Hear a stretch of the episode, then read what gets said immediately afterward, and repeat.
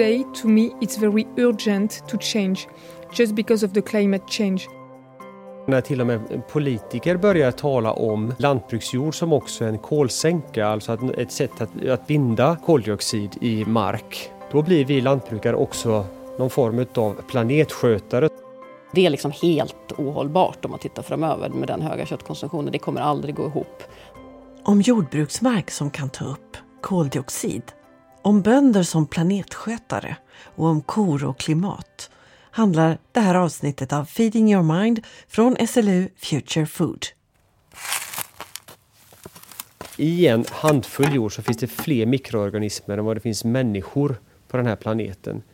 Och de jobbar för oss. De jobbar för mig som lantbrukare. Att omvandla solens energi till någonting som går att äta. Alltså visst är det fantastiskt? Säger lantbrukaren Josef Appell som du hör mer av om en liten stund. Jordens kemi, fysik och framförallt biologi är till stora delar ännu okänd för oss. Men i samspelet mellan växternas fotosyntes och förmåga att binda kol i marken och luftens koldioxidhalt ligger sannolikt en stor potential att öka koldioxidupptaget från luften. Så här förklarar Thomas Ketterer, professor i systemekologi vid SLU i Uppsala. Om man håller på hundra år med samma system så inställer sig ett jämvikt mellan organismerna och hur mycket mat de får. Så det blir ett jämvikt mellan det kolet som kommer in via växterna och det koldioxidet som andas av organismerna. Det blir en balans däremellan. Eh, den organisms aktivitet och den maten som tillförs via kolet från växterna.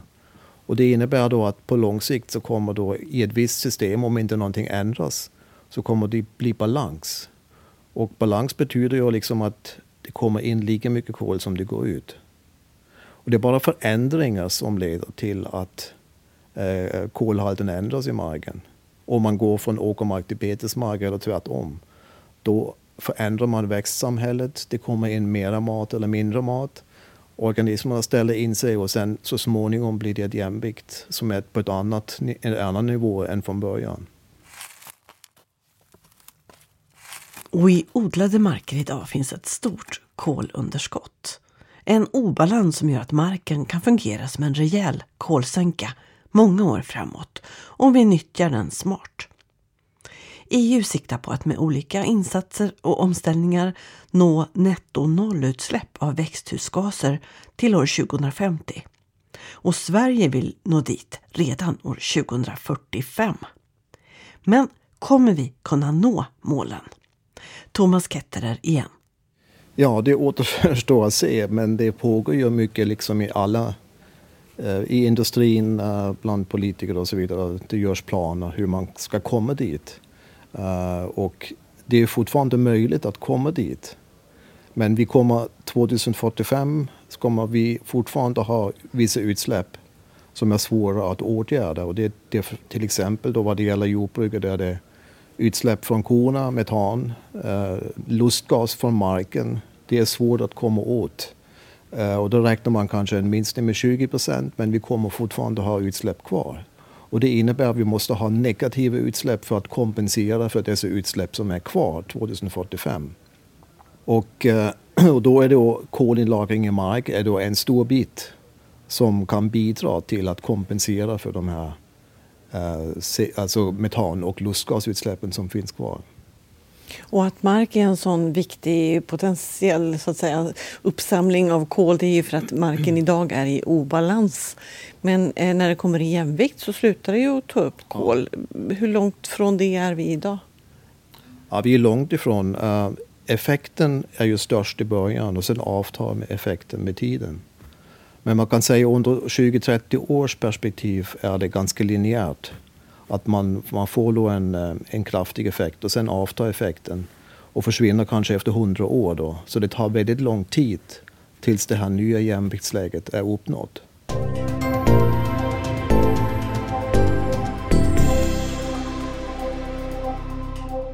Ja, bara förändringar i markanvändningen kan leda till ökad kolinlagring i marken, sa professor Thomas Ketterer.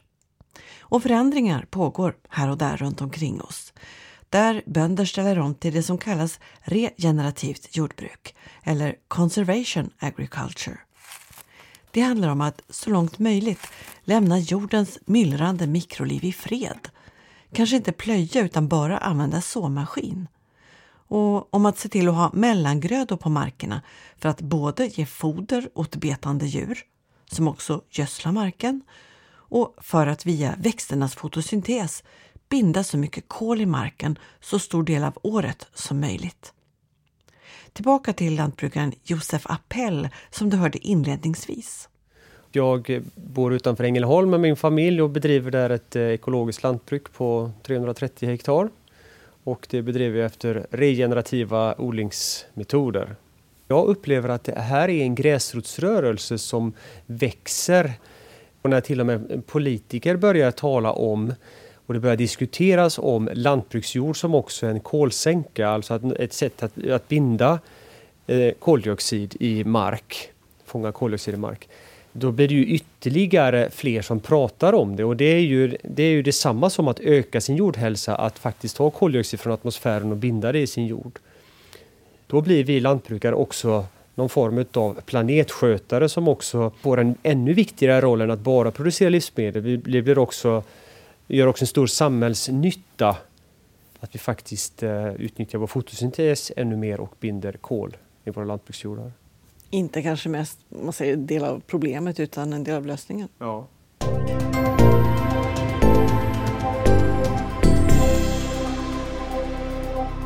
Du lyssnar på en podd från SLU Future Food.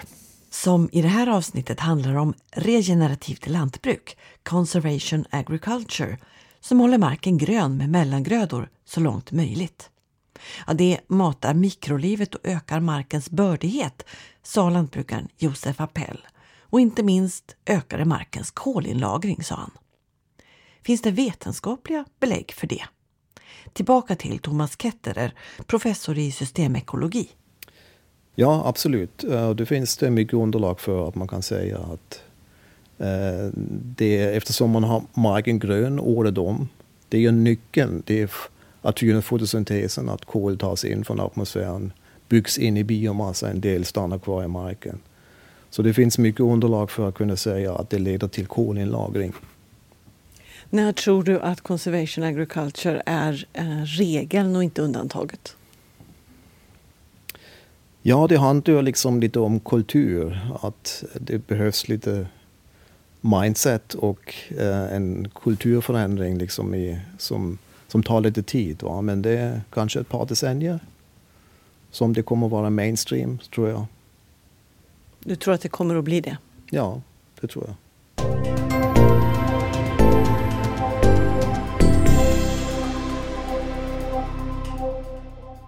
To me it's important because it's for the future. Och en som redan sedan några decennier är igång med Conservation Agriculture, regenerativt lantbruk, är franska Sarah Singla. We often say that we don't inherit the land from our parents, we just borrow it from our children. För mig handlar det om att vi inte har ärvt jorden av våra föräldrar utan lånar den av våra barn. Vi måste respektera naturen och odla på samma sätt som naturen funkar, säger Sarah Singla. I naturen ser man aldrig svart, naken jord utan naturen fyller mark med växtlighet som matar mikrolivet under mark och binder kolet. Förutom att Sarah Singla själv driver ett lantbruk i södra Frankrike är hon agronom och föreläsare som reser runt i världen och argumenterar för conservation agriculture.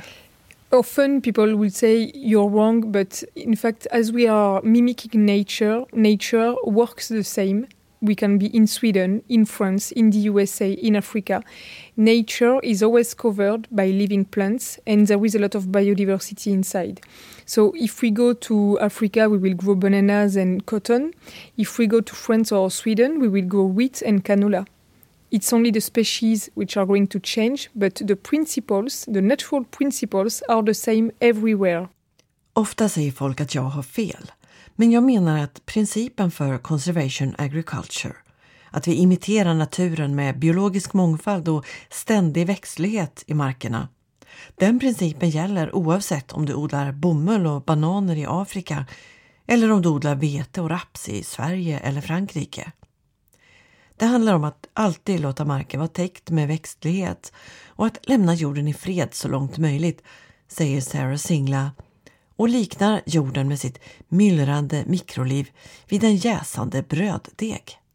You don't touch the bread. You wait for the bread to, to have a lot of air inside and the porosity. And all of the porosity will be done by the soil microorganism.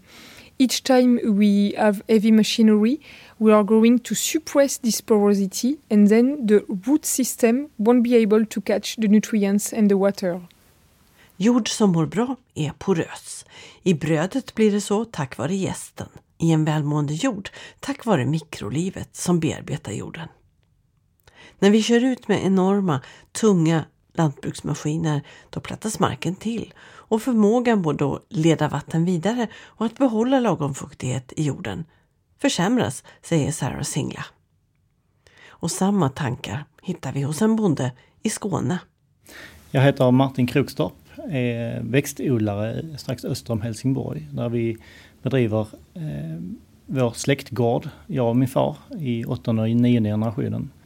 Tittar vi 50 år tillbaka i tiden, eller egentligen sedan traktorn infördes, så har ju varje traktor som man har köpt historiskt har varit lite större än den förra.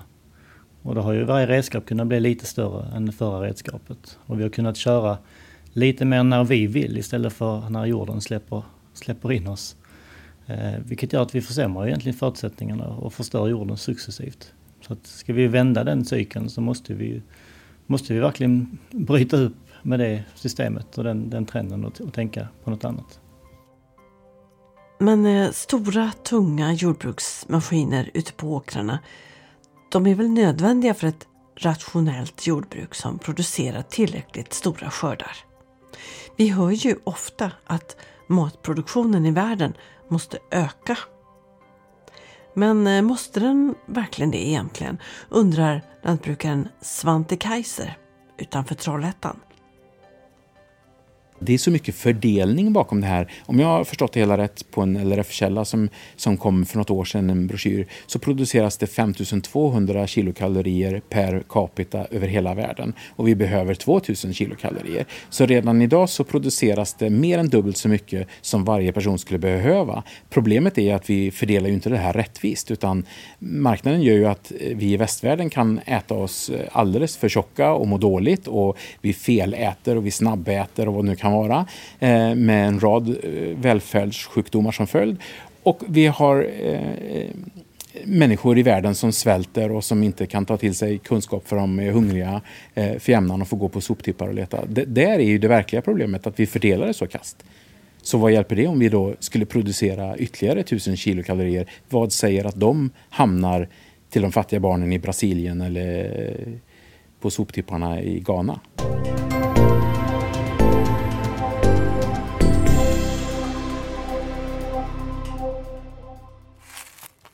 Conservation Agriculture.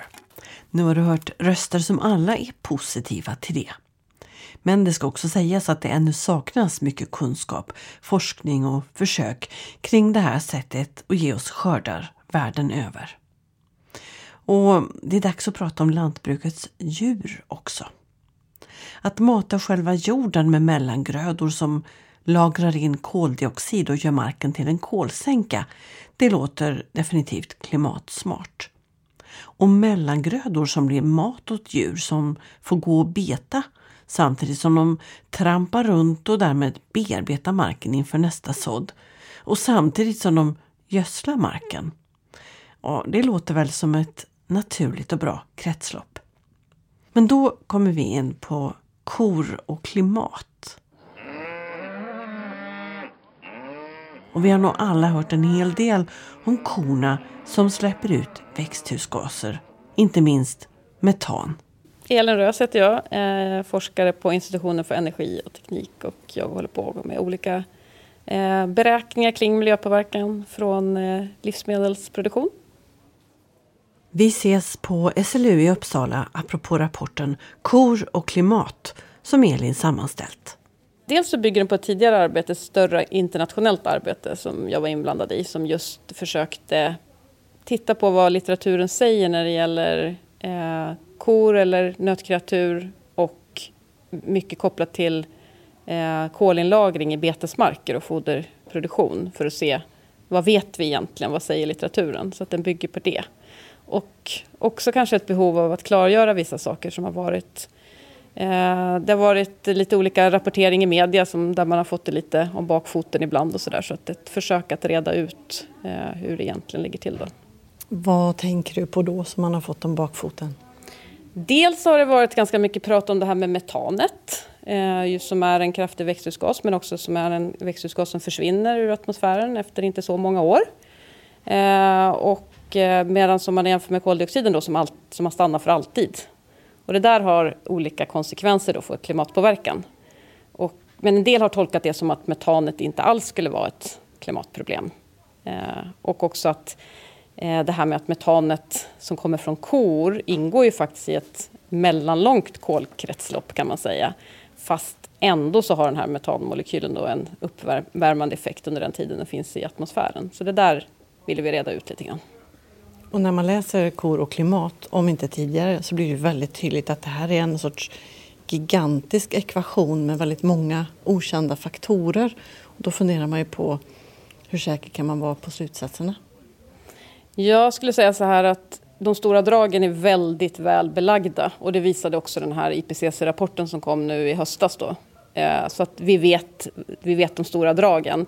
Sen när man kommer ner på enskilda gårdar och enskilda djur och så vidare, då är det stora variationer och stora osäkerheter. Men de stora dragen är väldigt väl belagda.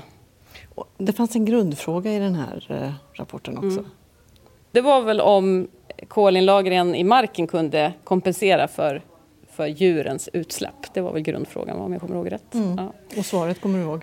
Ja, svaret var väl av karaktären globalt nej, men det kan finnas enskilda system där det kan vara så, men att de är, tillhör undantagen. Utan i de flesta fallen så blir det nettotillskott av växthusgaser från djurhållningen. Så olika personer kanske har olika procentsatser och så, men de stora dragen och den här grundslutsatsen att nej, det går inte att säga att det blir ett nollsummespel. Kan man säga så? Så kan man säga på, på global nivå. Då, men, men eh, det kan finnas enskilda system där det kan vara så, men de, de är ganska ovanliga.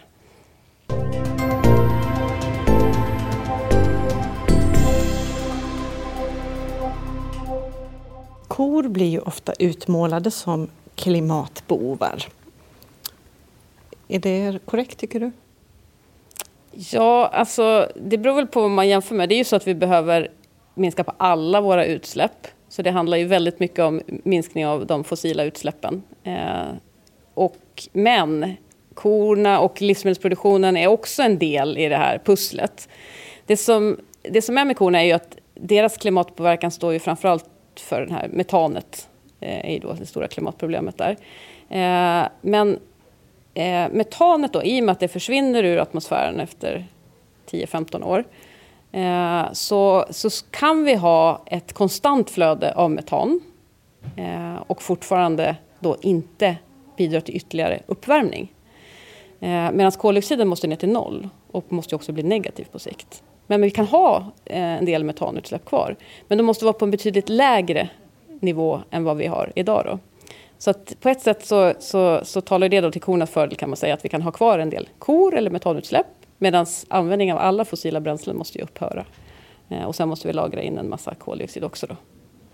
Det är den här svåra konsten att hålla många mål och eh, viktiga saker i, i huvudet samtidigt. För, för, det är väldigt fokuserat på klimat. Men det här med biologisk mångfald till exempel. Kan, kan målet om biologisk mångfald och klimatmålen komma på kollisionskurs om man börjar tänka att vi ska ha färre djur. Men samtidigt så betande djur gynnar ju ofta mångfald och så. Mm. Där finns det både sätt som djurhållningen liksom hotar biologisk mångfald och som den är bra för att bevara en biologisk mångfald. Eh, om man tittar på hotet mot den biologiska mångfalden i stort i, på jorden så är det ju att jordbruksmarken breder ut sig. Det är liksom det stora hotet för man tränger undan de naturliga ekosystemen. Eh, så att vi behöver använda eh, inte, absolut inte mer jordbruksmark, gärna mindre för, för den biologiska mångfalden.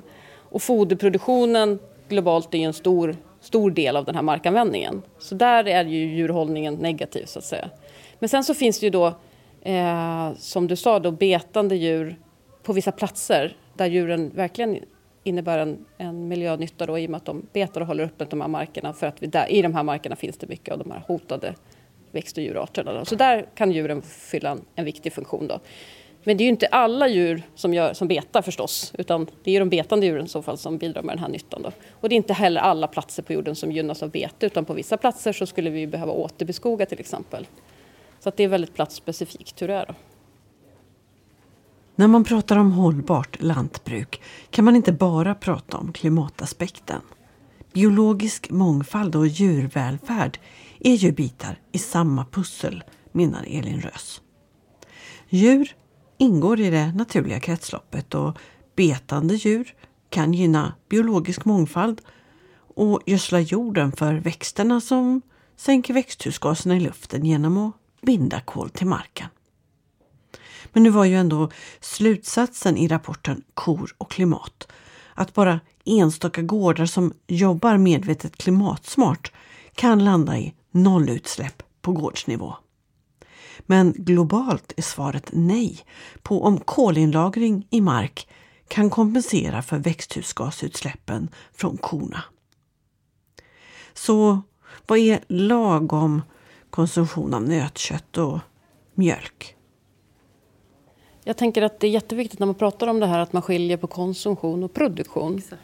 För att eh, i Sverige så har vi en väldigt hög konsumtion av både nötkött och mejeriprodukter i ett internationellt perspektiv. Eh, svenska köttproduktionen totalt, vi äter ju dubbelt så mycket kött än det globala genomsnittet. Och det är liksom helt ohållbart om man tittar framöver med den höga köttkonsumtionen. Det kommer aldrig gå ihop. Och vi äter också mycket nötkött i Sverige. Men sen är det så att vi importerar ungefär hälften av nötköttet. Så att det är viktigt att skilja på det här, liksom att när man pratar om en minsk, behov av minskad animaliekonsumtion, att det inte direkt innebär eh, en, en sänkning av produktionen i Sverige. Sen kan man resonera på lite olika sätt om det där. Hur mycket animalieproduktion ska vi då ha i Sverige? Och då kan man tänka så att ja, vi har en relativt bra och effektiv produktion i Sverige. Det vore synd att vi lägger ner den här och sen så kanske man ut, ökar produktionen på något annat ställe där den inte är lika bra. Då, så att säga.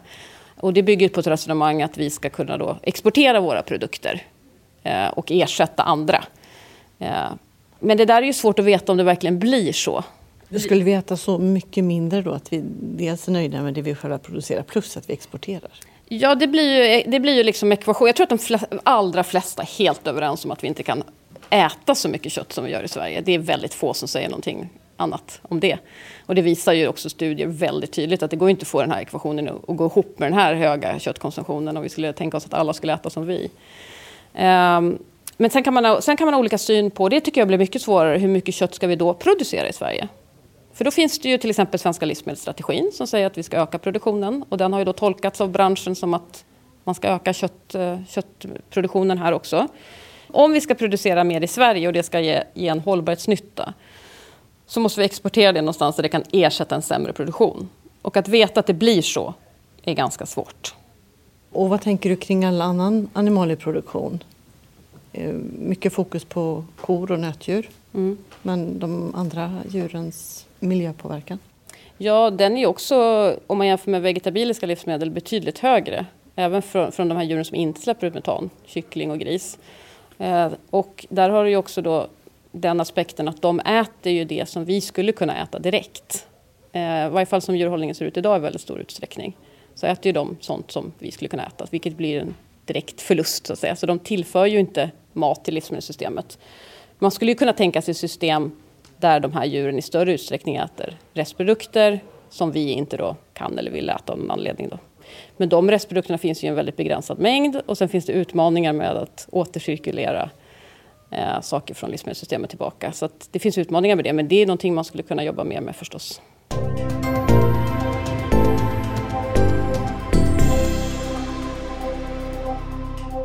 Apropå regenerativt lantbruk som vi pratade om förut så finns ju potential att lagra in mer kol i mark än vad som görs idag.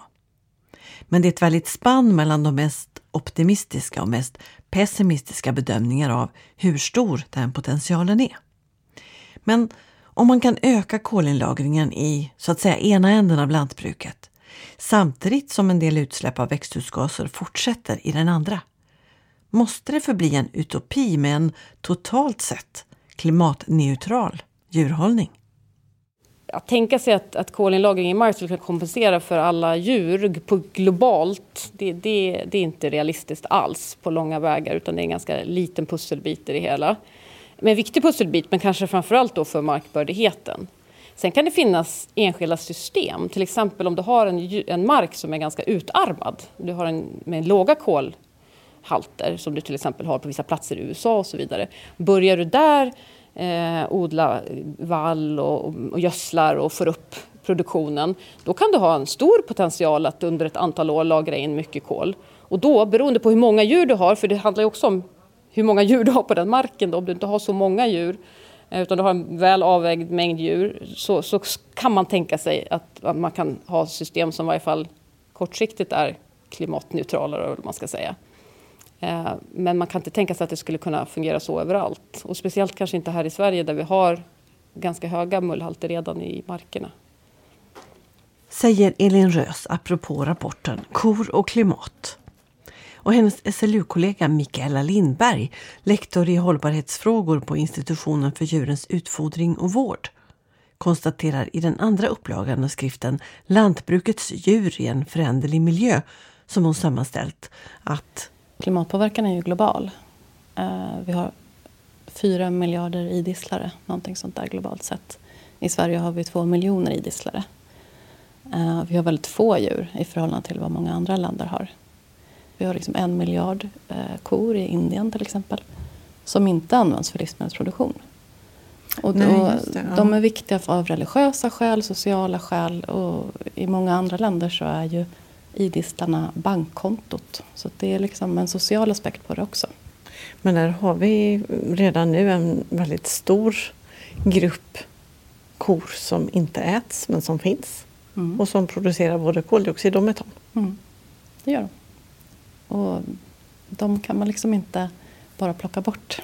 De är ju viktiga ur helt andra aspekter också. Så att vi i väst måste fundera över hur vi konsumerar. Eh, och att vi gör det på smartast sätt. Det blir verkligen naturvetenskap möter eh, kultur och religioner. Mm, det blir det.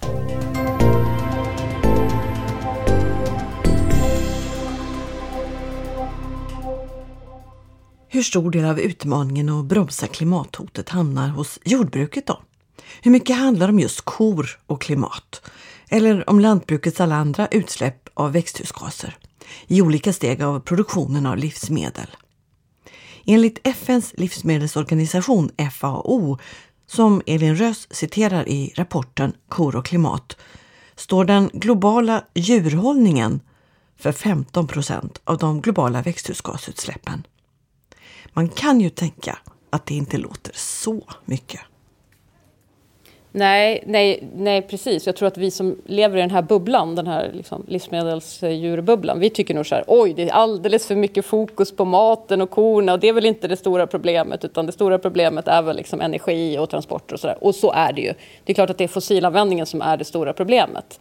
Men 15 procent är inte obetydligt och det går också att dela in allting i små 5, 10, 15 procents bitar. För då kommer flyget och säger, nej men flyget, det är bara eh, 3-4 procent av de globala utsläppen. Det behöver vi väl inte eh, bry oss om och så vidare. Så att, som läget är nu, så otroligt akut, så måste vi jobba på alla fronter.